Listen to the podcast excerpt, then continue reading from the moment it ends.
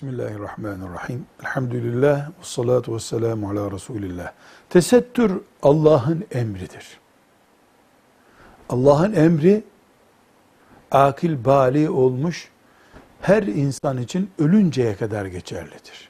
Aklını kaybederse Allah'ın emrine muhatap olmaz.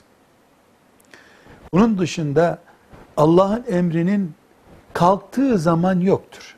Ancak bizzat Kur'an ayetleri yaşlı kadınların dış kıyafetlerini yabancı erkeklerden kaldırabileceklerine işaret etmiştir. Yaşlı kadın kim? Bastonsuz yürüyemeyecek hale gelmiş. Artık dünyadan elini eteğini çekmiş en az 70'in üzerindeki kadın demek. 70-80 yaşlarındaki kadınlar dış kıyafet dediğimiz işte çarşafı, abayesi, feracesi olmadan yabancı erkeklerin karşısında durabilirler. O vaziyette mesela dış kıyafeti olmadan hastaneye gidebilir.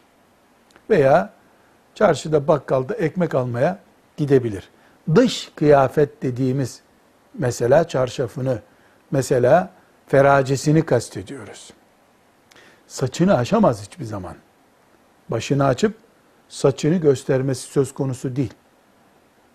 Veyahut da kollarını sıvayarak sokakta dolaşması değil.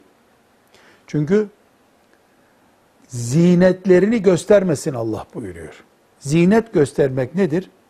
Kolu açıp koldaki bileziği göstermektir. Taranmış saçı göstermektir. Ama dış kıyafet, yani sokağa çıktığı kıyafete dış kıyafet diyoruz. Yaşlı kadınlar tarafından kullanılmayabilir. Bu sadece bir ruhsattır. Yani kadın dış kıyafetini giymekte zorlanıyor. Artık onu taşımakta bile zorluk çekiyor.